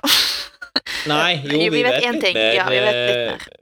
Men Vi eh, vet litt mer i, i Rhythm of War, får vi litt mer. Uh... Ja. Men eh, eh, Ja, ja. Det kan jo hende at han havner med hun til slutt i en eller annen plass, men, eh, men jeg tror ikke at uh, det, hun er nå en sånn Altså, alle har jo noen karakterer i, bakover i livet sitt som ekskjærester, som, som, som har hatt en innvirkning på livet deres, men som på en måte kanskje ikke er så viktig lenger. Mm. jo da, men nå uh, føler jeg at uh, vi, vi får altfor lite i forhold til I forhold til uh, Ikke at hun er mye nevnt. Hun er nevnt mer enn man skulle trodd. Denne Tara, Ja. Men det kan jo være at jeg henger meg opp i det da, fordi at jeg syns det er tåpelig at vi får så lite. men, men. Mm. Speaking of kjærlighetsspråk, uh, går vi videre til kløftvandring. Smooth. Physical touch. Physical touch. Ja. I desperasjon før han treffer bakken, får Kaladin absorbert litt stormlys, men hører Syl skrike, og han blir slått bevisstløs. Når han våkner, så finner han Shalan, og de ser over broen og de som har falt ned i kløften. De skjønner raskt at de er de eneste overlevende, og at verken Adolin eller Delinar har falt ned. Begge er sikre på at de har reddet både seg sjøl og den andre, og er redd den andre skal skjønne at de har unike evner. Shalan er fascinert over plantelivet i kløftene og småsnakker konstant med Kaladin, som egentlig bare vil være stille og navigere best mulig. Kaladin viser frem sine fordommer mot de lysøyde, og Shalan anklager han for å bruke dem som en unnskyldning for å være frekk og nedlatende. De starter en krangel som blir raskt avbrutt av skrapende lyder litt lenger ned i kløften. De innser faren de er med i, og begynner å løpe mens kløftbeitet jakter på dem. De slipper unna ved å lede kløftbeitet tilbake til der de falt, og alle de ferske likene som var der. Og Shalan får endelig oppfylt drømmen om å se et levende kløftbeist før de går derifra. Om noen om. Ferske lik. Aldri så, aldri så ille at det ikke er godt for noe. Mm. Shalan lar Kaladin lede vei tilbake, men hun følger nøye med hvor de går. Når de bestemmer seg for å ta en pause og hvile til dagslyset kommer tilbake, tar Shalan opp tegneblokka si og tegner et detaljert kart på hvor de har gått. Kaladin vekker Shalan før sola er satt opp, og de går videre i det de tror er riktig retning. Men når sola står opp, innser de at retningen var feil. Kaladin føler seg som en idiot, og han får heller ikke tak i Syl. På toppen av det hele så har han også innsett at han har behandla Shalan dårligere enn hun fortjener, og at han har gjort noen feilaktige antagelser. Han legger også merke til at hun snakker med noen som han mistenker at kan være en sprenn når hun går for seg sjøl. Shalan reagerer på at noen av platåene er symmetriske, og når Kaladin sier at han gjennom en drøm har sett at alle platåene på de knuste slettene er symmetriske, forstår Shalan plutselig hvor både Pashendian og Edporten er og hun får da kartlegge alt. Veien videre farges av at Kaladin føler han har feilet, og han er i dårlig humør. I motsetning til vanlig. Han sier at han Å, du fikk ikke til å lede deg på rett vei, midt ned i høye kløftene, og du Ja. Åh, det er depressive Kaladin all the way. han sier han skulle ønske han kunne være mer som Shalan. Men dette leder Shalan til å beskrive hvordan det er å være helt uten håp og skikkelig deprimert, og Kaladin forstår at hun ikke alltid har vært glad. Men likevel så har hun kommet seg gjennom det, og det inspirerer han. De møter på et nytt kleftbeist, og de gjemmer seg i en trang rift for å slippe unna. Beistet kommer ikke til i riften, men setter seg utenfor og venter. Ettersom høystormen ikke er langt unna, bestemmer Kaladin seg for at han skal prøve å distrahere beistet, mens Shalan slipper unna, sånn at hun får overlevert informasjonen sin til krigsleiren. Før han går ut av riften, gir Shalan han shardbladet sitt til en overrasket Kaladin, som ikke får vite hvor sverdet kommer fra. Kaladin går ut og kjemper mot beistet. Det trange området gir han en fordel, og han får inn noen slag, men det blir slutt bitt i beinet. Shalan bruker kreftene sine for å distrahere beistet, sånn at Kaladin får henta shardsverdet han mista, men kollapset av smerten i beinet sitt og får ikke slåss noe mer. Han prøver desperat å inhalere stormlys, men det går fremdeles ikke. Til tross for at Shalan bruker kreftene sine for å holde dyret distrahert, angriper det til slutt Kaladin og svelger en hel. Kaladin velger å gå for ganen og stikker beistet i hjernen når det har han i munnen. Shalan ser beistet kollapse og må kutte Kaladin ut av munnen til beistet og binde sammen beina hans. De innser at de ikke kommer seg ut av kløftene før stormen, og Shalan bruker shardsverdet sitt til å lage ei lita hule over vannkanten, så de kan gjemme seg for stormen.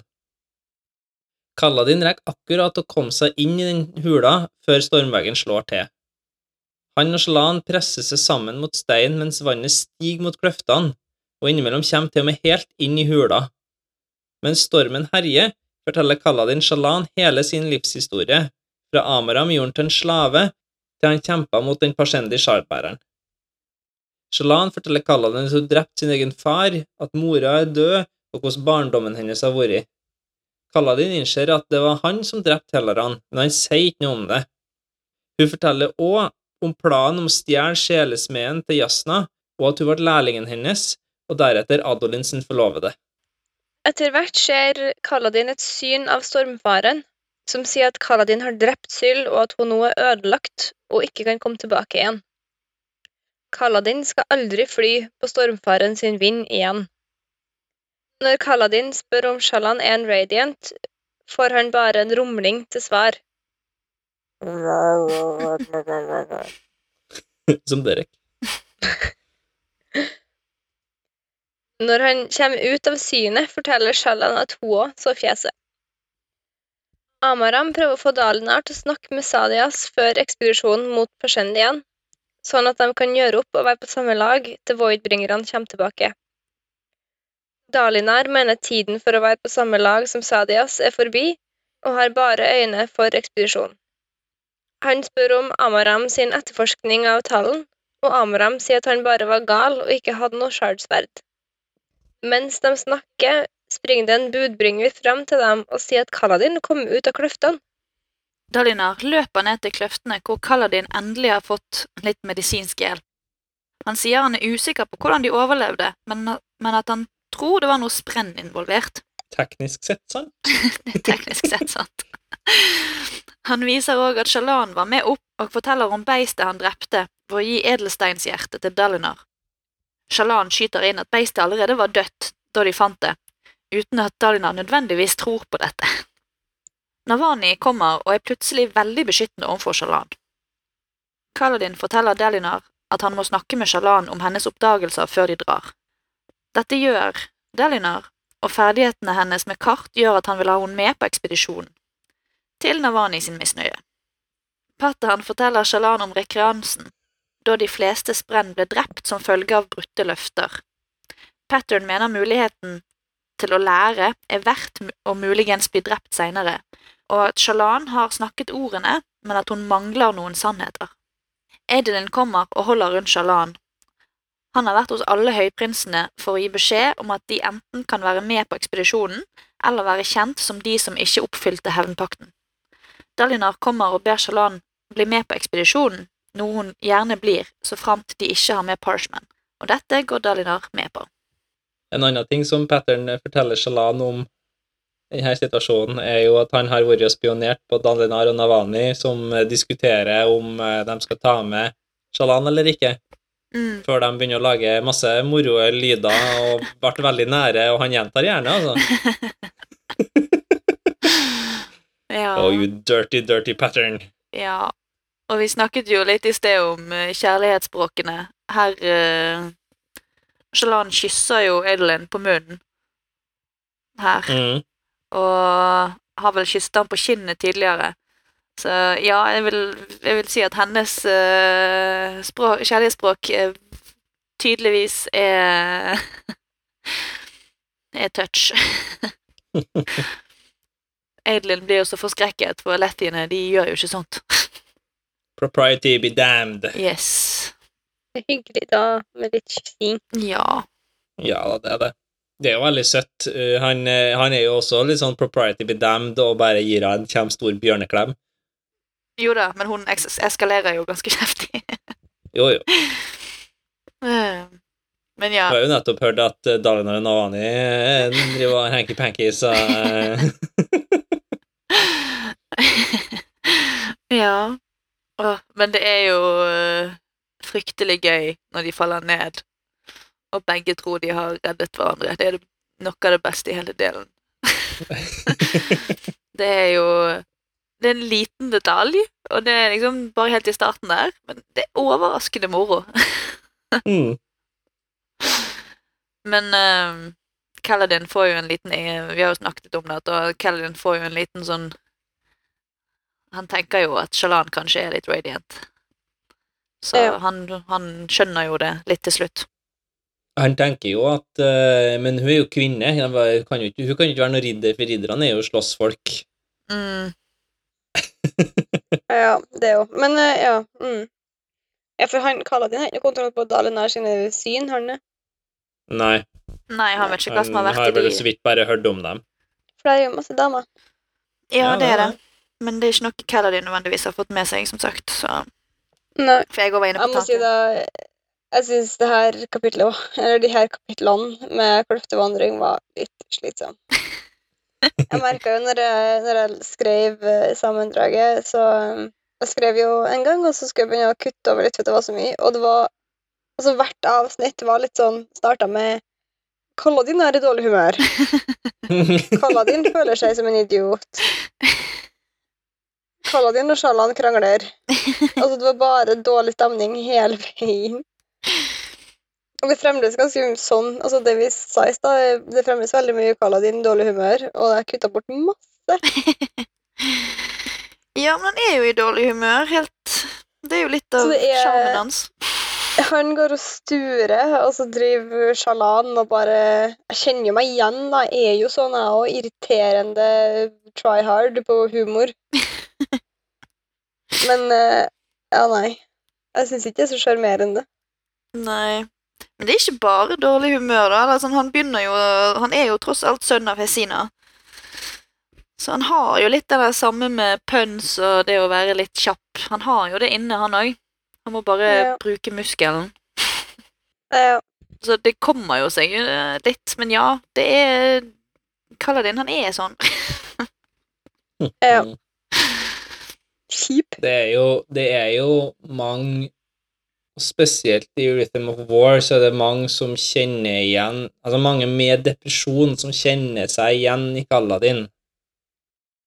Han har jo depresjon. Noe?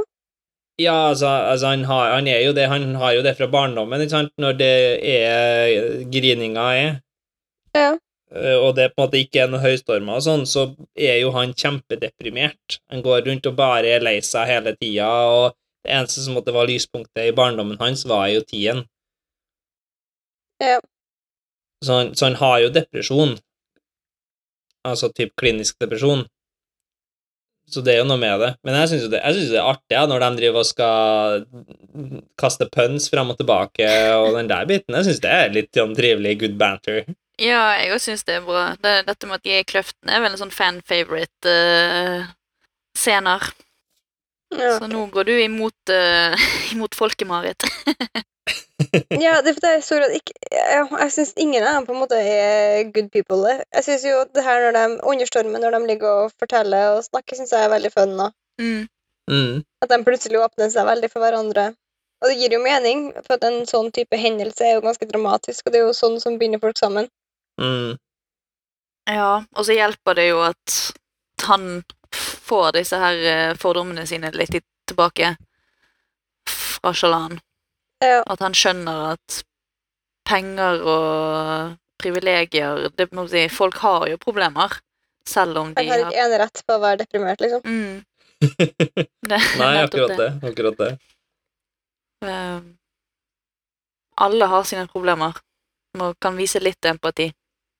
Mm. Selv om jeg er veldig enig i at uh, Shalan har jo en tendens til å være litt sånn Ikke tenke så mye på andre sine følelser alltid. Jeg tror jo det, kommer, det er en sammenheng med det at hun er, er desperat etter å ikke havne i et sånn depresjonshøl, hun òg, da. Mm. Det er jo derfor at hun er sånn, som begge dere sier, da, at hun, du er, hun er litt for mye. Det er Mm. litt påtatt.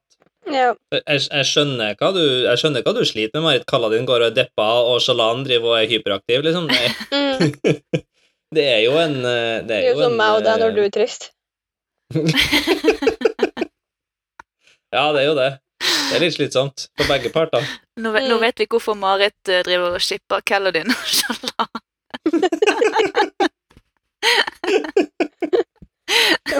Ja. Jeg trodde at jeg var 100% golden retriever og ikke så veldig mye deppa puddel, så uh, Men jeg, jeg Ja. føler at de to forstår hverandre bedre enn Shalan og Adolin, da. ja. Ja. Jeg føler liksom ikke Adolin har hatt noe problem. Nei. Han har jo en død mamma, han òg, da. Vi vet jo ikke hvordan hun er død. Jo da, men, det er sant, det, eh, da. Men enn så lenge så har ikke vi fått vite så mye om Adelin sine problemer. Det er veldig riktig. Mm. Så det Det er mer nåværende, håper jeg. Det virker ikke som at uh, han har hatt den mest traumatiske barndommen utover at broren er død. Han har jo hatt et, et nettverk rundt seg, Ja, han har jo det. så Men jeg tenker det er verre nå. Hvis Adolin ikke skal være radiant, så blir han sikkert superjelly på um, Shalan, så lenge hun får lov til å beholde kreftene sine. Ja, Så jeg tror ikke det forholdet funker. vi får se. Pluss at han er jo best bros med Adolin. Med Kaladin. Kaladin. Nei, altså Kaladin ville ikke fungere med Shalan, for at ja. han blir jelly på kreftene, tenkte jeg. Å ja, ja, fordi Siden han han har mistet sine. egne. Ja. Ja, pluss at han nå er best bro med, med Adolin. Ja. ja. Som også gjør at uh, det her love trianglen er litt vanskelig. Og at Shalan er lysøyd, da. Det- Æsj. Æsj. Lysøyd kvinne. Æsj. Ja, det òg. Det er litt ekkelt, faktisk. ja. Ehm, ja, og vi kan bare nevne det da, når vi snakker om folk som er deprimerte. Jeg tror ikke Teft har det så godt med seg sjøl. Vi tok, tok det jo ikke opp i sammendraget, men uh, vi har jo fått vite nå at uh, Teft sine foreldre uh, var envisagers, som da betyr at de prøvde å utsette seg sjøl for livsfare for å få krefter og bli radiance. Mens Teft anmeldte de til myndighetene for å prøve å få de til å beskytte seg sjøl, for han ville ikke miste de. Mm. Og så endte det opp med at myndighetene henrettet de. For det De henrettet dem fordi de skulle ta selvmord. Ja. Nei, men det, det finnes stater Jeg husker ikke hvordan stat, Det finnes land og stater i verden der at det er, ulov, det er ulovlig å ta selvmord, og at forsøk på selvmord blir straffa med dødsstraff. Ja. Det er veldig rart. Og det er vel ja. det, det er jo forbudt, i hvert fall i, i Bibelen er det jo forbudt. Mener jeg. I hvert fall i kristne tradisjoner så er det forbudt. Jo, jo, men at det er forbudt, betyr jo Ja. at da, eh, straffen er å ta, for å forsøke på å ta selvmord, at du blir drept, er liksom sånn Det hindrer ingen i å prøve. Nei. Nei. Nei, det gjør ikke det. Men, men eh, vi kan jo skrive det ned. Det minner jo veldig om det de noble, skal vi si, de eh, Adle. Adle heter det på norsk. Gjorde i Mistborn med å utsette ungene sine for livsfarlig og banke opp dem så de nesten dauer, for å sjekke om de var mistings eller uh, takefødte. Ja, for, for at de skal snappe. Mm. Stemmer. Og hvis du drar det her litt lenger, da, så sier jo Syl, eller Kaladin sier til Syl før han detter ned i kløftene, at eh, jeg, er ødelagt, I am broken, og så sier Syl ja, alle, alle Radiants var det. Det er jo veldig likt uh, Mistborn. Det er det. Vi snakka om det i RA1 her, om at du måtte ha en sprekk i sjela for at uh, investiture skulle kunne komme inn i, i deg og gi deg krefter. Mm. Det er nok litt det samme her. Ja. Det må være plass i sjelen din til en sprenbond. Mm. Så Investitureson var jo for så vidt på riktig vei. på mange måter. Ja, men uh, man skulle jo tro at de var uh, Man skulle tro de var cray-cray nok uh, når de driver og prøver å skade seg sjøl. Hvis det Ja. var det som var For det var jo det Mistborn, sant? de som var litt Ikke helt i balanse. Var jo Ja, De som ikke var helt i balanse, kunne jo Ruin snakke til. Ja, det, ja, ja, det var det. Det var ikke nødvendigvis at de ble Nei, men du, men du måtte måte over et sånn traumatisk Mm. threshold for å bli For å snappe der, da. Ja. Men der hadde du jo det her latent i genene dine, og så hvis på en måte du fikk den sprekken i sjelen, så fløyt det inn med investiture ja. Ja. Spiritual DNA, magical mumbo jumbo. Men ja. Det er en logikk her, da. Ja. Det skal være relativt uh, likt igjen over universene, Mm. er inntrykket jeg får nå, da. Ja. Vi, når de ligger i stormen, så her ser de noen sånne store figurer som går. Ja. Uh, de har fandomen dubba Stormstriders, og ingen vet helt hva de er ennå. Ok. Uh, Min første tanke var egentlig at det var Pashendian som var på vei imot Men jeg har skjønt i etterkant at det ikke var det, da. Men det var liksom det jeg tenkte. Å ja. Nei, det, det, de er mye større, og er, det er sånn sprennaktig, de lyser, på en måte. Ja, ok. Når de, når de var beskrevet, jeg tenkte um, Thunderclast først. Ja. Men de lyser jo ikke, tror jeg. Nei, ikke Jeg tror de jeg er mer sub, det er mer substans i de enn de er i dette her, Mm. tror jeg. Men ja, det er noe vi ikke har sett igjen. Vet ikke helt hva det er for noe. Men det er, jo, det er jo litt sånn verdensbygging da, i Mm. at du har eh, vesener i stormen som folk ser, da, og så skaper det jo mye mytologi rundt det. Ja. En noe annet som skjer, vi har jo et par ting rett før eh, før de stormen treffer. ja, når Kaladin slår med slåss mot uh, beistet. Ja. Kløftbeistet. Jeg har bare Jeg har et eh, sitat der jeg måtte bare tenke OK, Brandon. Sant, men unødvendig. Uh, Kaladin har en tanke om at eh, ja, det, det står beskrevet at Kaladin eh, eh, han blir eh, Ja, han blir slått over ende av beistet. Det er vel akkurat når han mister uh, sjardsverdet han har fått eh, låne av Shalan. Og så er liksom så er sitatet This was no time to be dizzy. Nei da. så han måtte bare komme seg over det. Ja. Begynne å slåss igjen. ja. Hater når jeg er svimmel på sånne u ugunstige tidspunkt. Det er mye bedre å være svimmel på gunstige tidspunkt, liksom. ja. Det var sånn No shit da, Brandon. Ja. så det, det hang jeg meg opp i i denne slåsskampen. Ikke så mye annet. Men det er artig. Ja. Men han får, jo da låne sjardsverdet til Shalan, er jo òg da poenget her. Et sjardsverd som kan endre størrelse. Ja, for det tenkte jeg på. Er det normal shardsverd behavior, liksom? Ikke som vi vet. Det er første gangen vi hører noe om det. Ja. Så Det er også et shardsverd som ikke skriker når Kaladin tar på det, som vi nevnte tidligere. Nå kan det jo være fordi at uh, Kaladin har eh, tatt livet av Syl, da. Sånn at det ikke er noe hun som hater sverdene i utgangspunktet. ja. Jeg føler litt på at du har to forskjellige uh, typer sverd her. mm. Minst, holdt jeg på å si. Ja, du har jo sverdet som Sett har. Som uh, Syl har ment har vært annerledes òg, mener jeg. Mm. Og så har du jo et uh, vanlig shardsverd, og så har du uh, Shalan sitt shardsverd som kan forandre størrelse. Ja, Så det er masse sverd her. Nå må du begynne å pugge sverd, Marit. ja men eh, jeg får jo ikke til det. Nei. Og så har jo Syl snakka om ubesudla shardsverd, da. Hun bare vet ikke hvordan. Ja. Så det er noe greier her. Definitivt. Men uh, read and find out tar vi bare der. Mm. Yes, Rafo.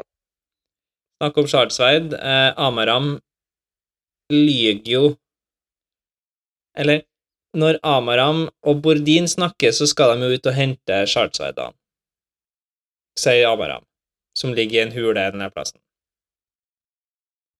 Mm. Og- Men når Amaram snakker til Dalinar, så sier Amaram at uh, det var, han, han var bare gal. Det, det, han hadde ikke noe shardsverd. I en litt sånn obvious løgnaktig setning. Ja. Fuck Tanker? ja, Amara. jeg vet ikke om han eh, Han har ikke mm. Andre tanker enn det, Linn. Nei. Nei, men jeg føler at Amram uh, tror at det finnes et shardsverd, og ikke har lyst til å dele det med Dalinar. Ja. Ja, det kan jo virke litt sånn. Men han har jo allerede et shardsverd, så trenger han enda et. Kanskje han jobber for Sadias, da. Kanskje. Ja, det kan Sadias vil jo i hvert fall ha et shardsverd. Så det kan jo hende. Mm, så, ja. Men, Sadias eh, har jo òg et shardsverd, da, men eh, Ja, pokker, han har fått Offspringer, han. mm, Jeg, går, jeg tenker konsekvent at uh, Serious er jelly på uh, på Delinar som har Charlesland. Mm. Men det var jo en bok siden. Ja, det så har eh, Dalinar har mange nye shardsverd nå, da. Ja, det er sant. Eh, og så er jo det den slutten på delen, da, som er Det er bare timingen. Når Dalinar går bort til Kaladin og sier You are what I've been looking for. Kaladin bare At some point, maybe. Åh, Well, actually, yes, but no. yes, but no. Åh, det er så frustrerende. Det er så frustrerende. Ja, det er det. Men jeg er så lei meg. Jeg vil jo ikke Jeg vil at Kaladin skal være en Kaladin, uh, Kaladin Stormblest, ikke Kaladin uh, without his powers. Mm. Ja, Han må ha noe, får, sånn at ikke han bare går rundt og depper hele tiden. Mm. Kaladin Stormblest, ikke Kalad- Kaladin Depressed. ja. Ja, akkurat det. ja. Badumts. Badumts. Ehm, ja, vi får se da hva som skjer. Om en finner ordene. Ja. Vi får nå bare For en gangs skyld så er jo det nok, si, noe som Del fem her ikke bare sånn epilog. Nei. Avslutningen er faktisk i del fem. I Ja, boken det er bra. Det er nysgjerrig på hva som skjer. Nå skal vi avslutte på liksom. ekspedisjon. Nå skal de ut på ekspedisjon, Mm. og Shalan er med, og Delinor er med, og Kaladin er ikke med. Får se. Han er jo ikke kjent for å ikke være med hvis mennene hans er med, så Men han er jo skadet. Fot, fo, foten hans er jo bundet sammen. ja. jeg får se. Spennende. Har du, noe hva er det du tenker mest på nå, da, Marit? I del fem? Jeg vet ikke. Det er så åpent. Det er, jeg Ja. føler det som ingenting å gjette på eller teoretisere om, for det, det bare Det er kjempeåpent. Mm. Vi har ikke snakka om den sprennen rundt Kløftebeist og Skyhill, sa vi det? Nei. Nei, vi har ikke det. For det var egentlig et spørsmål jeg hadde. Ja. Bare fordi for det er det samme, på? og jeg vet ikke hvorfor. Er det bare dyrsprønn? Hva er sammenhengen Jeg vet ikke. Jeg aner ikke. Uh, Skal jeg phrase det her, da? uh,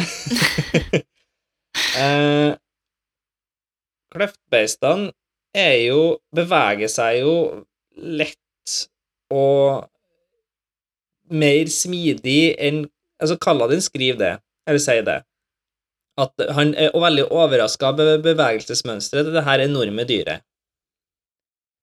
Og Sky Eels har ingen vinger, men kan fly i lufta.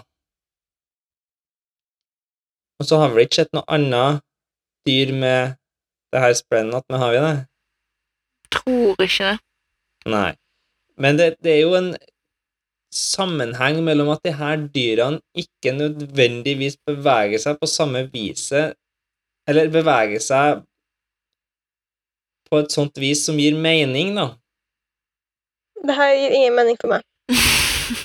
De beveger seg mer smidig og kanskje virker lettere enn de er. Kanskje det her sprennene hjelper deg med å være stor, eller ha Så må man bruke shard plate. Nei. Eh, Det kommer seinere, tror jeg, men det er en sammenheng mellom hvordan de beveger seg, og at de kan bli så store. Ja. Jeg tror du skal få en viss grad av informasjon i Arsarkanumen til Joshar. ja. Så det blir eh, når vi er ferdig med denne boken. Du får ta og holde på dette da. Mm. Men jeg syns det, det er gøy da at det har vært uh, nevnt på disse tegningene til Shalan. Dette med sprenn til Mm. kløftbeistene. Og at de er Mm. de samme. For det er noe, det er noe hint og greier på de her tegningene. Så det var kjekt for min del å se de. Jeg har jo bare Ja, hørt på denne boken. Jeg har ikke kikka på tegningene. Det må du gjøre. Ja, det er en grunn til at jeg legger dem ut. Noe annet vi må uh, ta en titt på før vi sier oss ferdig med del fire, er jo epigrafene. Ja. Epigrafene inneholder et brev som virker som det er svar på brevet som var i epigrafene i Way of Kings, og det refererer til mottakeren som en gammel venn, ettersom de ikke aner hvilket navn han benytter seg nå, og så forteller de at de er litt skuffa over han. Avsenderen spør om ikke den ødeleggelsen de har brakt frem sammen, var nok, og at selv om Race har vært i en fare, så er han nå fanga i det systemet han er i. Om det var Tanavast sitt formål eller ikke, det er usikkert, men det har nå vært millennia siden Race har drept noen av de andre 16. Race innehar tross alt vekten av guddommelig hat, separert fra all kontekst, og er det de gjorde han til, og det han ønska å bli.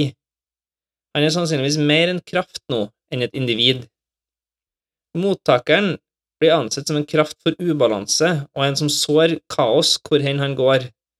Som en bønn så ber avsenderen om at han skal være med lov å ikke gripe inn i hendelsene, fordi Cosper sjøl kan være avhengig av det. Så Jeg føler at det er en person her som driver og sier hoid, ikke vær så hoid.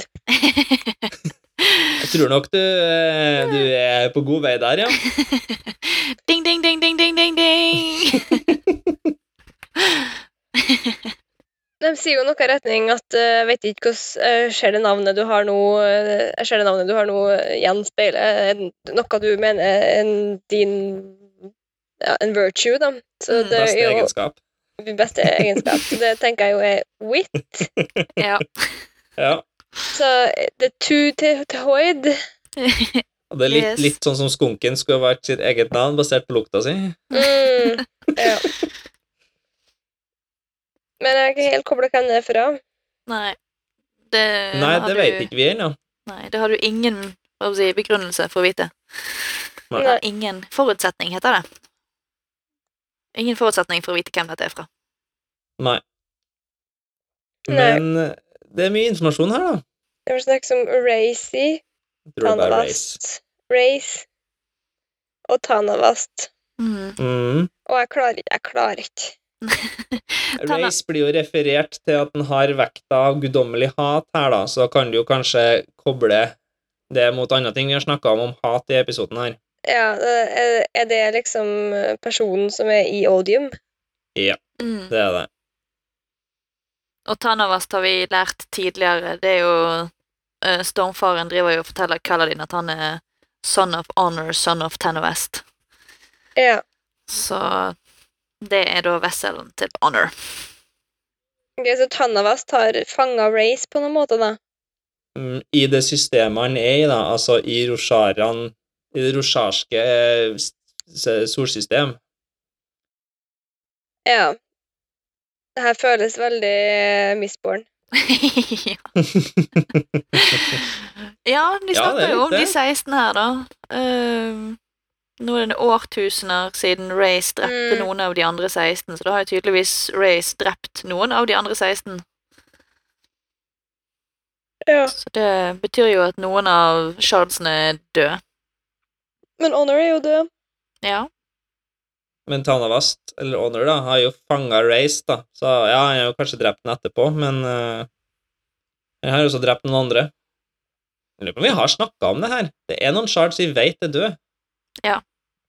I do not know. Det er to spesifikke shards vi vet er døde. Det er jo dem fra Sel, Dominion og Devotion. Å ja. Du kan jo insinuere at det kan hende at det var Race som var og drepte dem.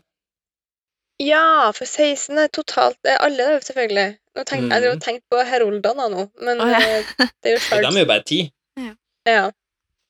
Det er Ja. veldig, veldig mye, OK? ja, det er veldig mange. Det er liksom Kan vi det er, mange, det, er, det er veldig hierarkisk her. Det er sånn, Hvor mange har vi? Det er veldig mange radiants, og så er det noen heralds, og så er det enda flere shards. Og så Det er mye du skal holde styr på her. Ja, det er veldig mye. Men eh, ja. Nei, det, nå har vi egentlig um, dratt ut det som er av substans, føler jeg, i det brevet. Det er Det er jo noen her som sitter med en, eh, med en oath of non-intervention, da. Så det er jo noen som eh, mener at de har brakt mye ødeleggelse. Jeg vet ikke helt hva slags ødeleggelse de har brakt fem, men eh, at det nå er mye bedre for dem å bare sitte og se på. Det er jo litt eh, Ja, interessant. Ja, vi har jo lært av Hvitt i denne delen. Han sier jo det rett ut til Delinar. At, når han sier til Delinar at han kommer til å brenne ned verden for å nå målene sine, så er det det stikk motsatte av Non-intervention. Ja. Ja. ja. Det. Så jeg vet ikke om han avsenderen her får, får så mye gehør hos, eh, hos Hoid. Nei. Jeg føler Hoid gjør som Hoid vil, uavhengig. Det er Ja. sant. Så Er vi, er vi good? ja. jeg tror vi er i mål, da, i Jeg dag. syns det her ble en veldig, veldig overraskende kort episode. Ja, jeg er enig. Basert på antallet talking points vi har hatt, så har denne episoden eh, innspillingstida betraktelig kortere enn jeg forventa. ja. Så Story to disappoint, kjære lytter som gjerne ville ha to timer til. Ja, dere Ja. får komme med diskusjonspunkter til oss, muligens. Jeg føler denne episoden har vært veldig Det er et lite diskusjon, mye eh, lol, og så litt sånn bastante påstander, og så går vi videre. Ja. Men det er ja. Altså, jeg syns det er veldig mye Det er mye gode karakterøyeblikk, og det er mye gode lol. Mm. Og så har jeg masse spørsmål. Ehm, men så har jeg også Jeg har snakka litt med Magnus om det at ehm, Delen er så lang at det er liksom ikke så veldig mye cliffhangers. Altså Hvis at vi hadde enda delen etter Etter uh, de datt ned i kløftene, f.eks. Datt ned i kløfta. Så Mm. ville det vært mye mer på en måte å teoretisere rundt og sånne ting. føler jeg. Nå er det liksom sånn, de skal på ekspedisjon, vet jo egentlig ingenting. Eller vet jo kanskje at planen er at uh, Persendian har tenkt å lage en storm når de kommer. Mm. Det er vel ish det jeg vet. Jeg, vet- jeg vet ikke om jeg vet det ennå heller. Kanskje jeg har juksa med å lese en interlude nå. Nei, det har, snakk det har vært snakk om at de kan lage en storm, så det har vært insinuert at det er når menneskene kommer. De har jo skjønt at menneskene I hvert fall at Delinar eh, er lei, og de er jo lei sjøl. I hvert fall nå når uh, Eshonai er stormform og er klar for å ta i et tak. Um, Så hvis jeg skal teoretisere, så tror jeg tror jo at uh, Hva heter det for noe? Han uh, kompisen til Eshonai, som ikke er kompis lenger, Tude. Tude, ja. Jeg tror han blir en, noe Tipper han advarer dem eller noe. Ja. Altså, Jeg tror de ikke stikker på ekspedisjon, da, eller? Nei, jeg tror de stikker på ekspedisjon, men uh, de kan jo overleve en høystorm. Det har jo Aladdin og Aladdin, Kaladin og Shalan bevisst. Ja. Ja. Så Eller ja, ja, det var jo jækla mye snakk om de folkene på utpost som gjemma seg bak uh, tredøra i veggen. Nei, i, i altså I kløftene.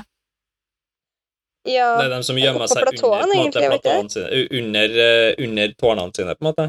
Mm. ja. Ja. Altså, vi har jo, det er jo mulig å overleve ute i en, i en, eh, i en storm. Det, det ser du jo på en måte når Kaladin er fanga i slavevognene, eh, men tvilakve og Shalan og for så vidt, så overlever Ja. de jo en storm. Det er jo ikke på en måte umulig. Nei. Men det er vanskelig å overleve i en storm og slåss, da. Så hvis du har på en måte masse persendier som driver og skal angripe deg samtidig, så er du jo litt fucked. Ja, men greier med å angripe samtidig som de lager storm, da. Jeg vet ikke. Vi får se. Nei. Ruffo, Ja. ruffo. Rafo. Men uh, jeg, synes poenget mitt med hele denne starten på denne ranten var egentlig at uh, det er så mye som om Og så mye i delen at, at man får liksom spørsmålene og svarene i samme del, så det er sånn vanskelig å diskutere det på den måten vi gjør. Ja, det kan hende at vi rett og slett skulle ha kutta opp delene. Ja. Men da blir det mange deler. Da blir det veldig Ja, det mange blir det. deler. Vi er fryktelig detaljert her. Nei, det blir, det blir sikkert bedre når vi kommer til Misborn Æra 2, tenker jeg. Det er sikkert det er så lange kapittel der. Lange deler. Ikke så lange bøker heller. Nei, Så lange bøker. det, Ja. det hjelper veldig. Kanskje vi kan tilbake til et slags fast schedule. Det lover Neida. håpet. Ja, jeg skulle til å si må ikke få opp forhåpningene til folk. Nei. Nei, men da høres vi i, etter noen interludes, da. Ja. Det gjør vi. Jeg gleder meg. Var Jeg òg. Ha det bra. Ha det!